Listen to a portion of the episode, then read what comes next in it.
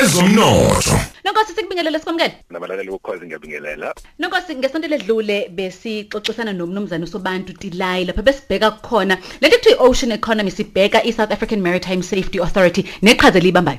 bekuthi asingene sithi shi kulomnotho ngoba ubalekile singalokho sikhuluma njalo kuyoze kushona ilanga. Besibuka kakhulu intuthuko egwegwesayo ebonakala ehamba kakhulukazi igudla eh, indawo ezakhele ulwandle. Sasithi sibuke i-rural maritime economy nongcebo ngokuphela kwalenyanga so besilontsha yona i-association ehambisana na lengosi yezomnotho. Besibuka yona ke ngeviki eledlule Nonkosi kukhona into ke wayi- wayikhuluma emasontweni amabili amathathu edlule wakhuluma ngendaba eh ya castor oil. Uyazi bengingakaze ngicabange mina ukuthi u castor oil u- u- ukhanywa enini, ukhandwa ngani.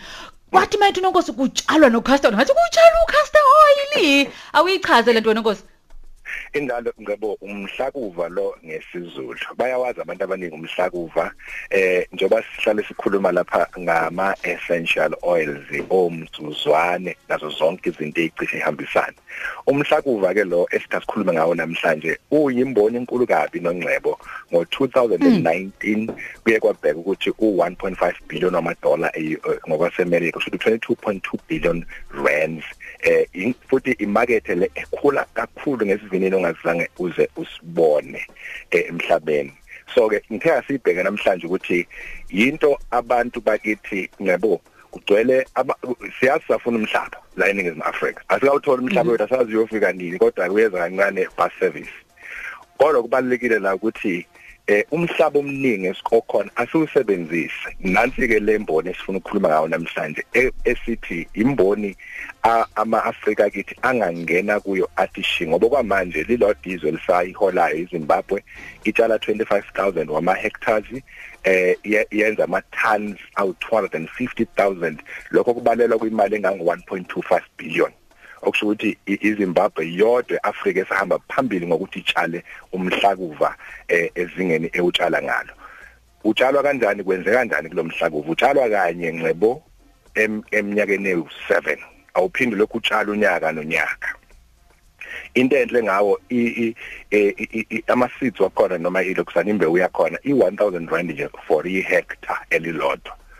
Obese uyavuna u25000 rand 25000 rand ngonyaka eh iminyaka esikhombisa njalo ngaphandle kulokhu uphinde uhamba uyotshala mhlawumbe ke ngoba sikhuluma la sokhuluma izibalo kakhulu namhlanje eh sisho ukuthi uma utshala u10 hectares shuthi ngonyaka u250000 rand ohlala lokhu uvuna ngonyaka iminyaka u7 usuku usuwenze 1.75 million.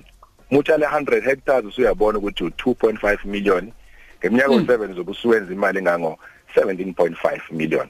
Yilokho esithi abalali bokhozi abakwazi namhlanje ngoba lento asiyikhulumi nje sesimane sathi asisebenzisana nezinkampani ezinkulu zalapha nezaphesheya ukuthi sithole inkontileka ezizosiza ukuthi kutshalwe umhlakuva ngoba eh lo misilizwe kubi ezweni imisebenzi ayikho. Laba banomhlaba nezindawo kade ngikhuluma namakhosi izolo nama district managers engithe abalalele lolu hlelo.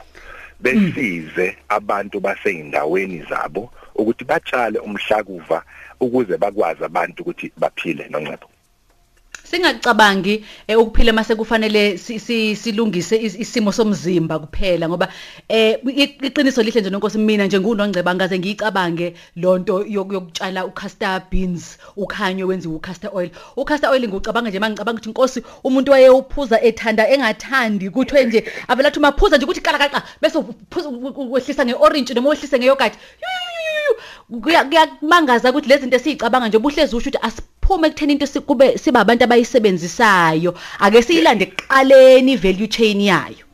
Yes injalo nje futhi abantu abaningi kufana na- nakho lokho ezolimo eh, ababe panishwa ngakho nxa be be- befike lethi esikoleni. Uhamba wasebenza lapha engadini bagcina sebezonda into ukhuluma njengakho lokho ke uma ucabanga ngo castor beans castor oil umuntu mayacabanga into embi kanti usetshenziswa nje emafutheni ezimoto usetshenziswe into zokuhuqa amaplangwe usetshenziswe njengodiesel kakhulu njengodiesel nongcebo ungamangala ukuthi ithani lakhona likhipha udiesel ongakanani. Ithani ka castor beans yes.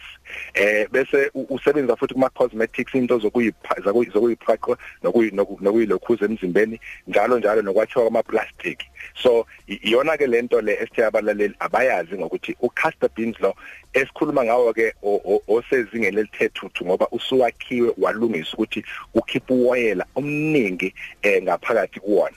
Eh ukuze ukwazi ukuthi eh usetshenziswe lokwela ukhumbula ukuthi sekuyamuva kakhulu kuyasuka ekuthenini kusetshenziswe kakhulu crude oil njengoba wazi ukuthi kumbiwe phansi. Sekubheka ukuthi iziphi izihlahla nezitshalo ezingakwazi ukuthi zisize ekuthenini eh zi zi replace eh crude oil.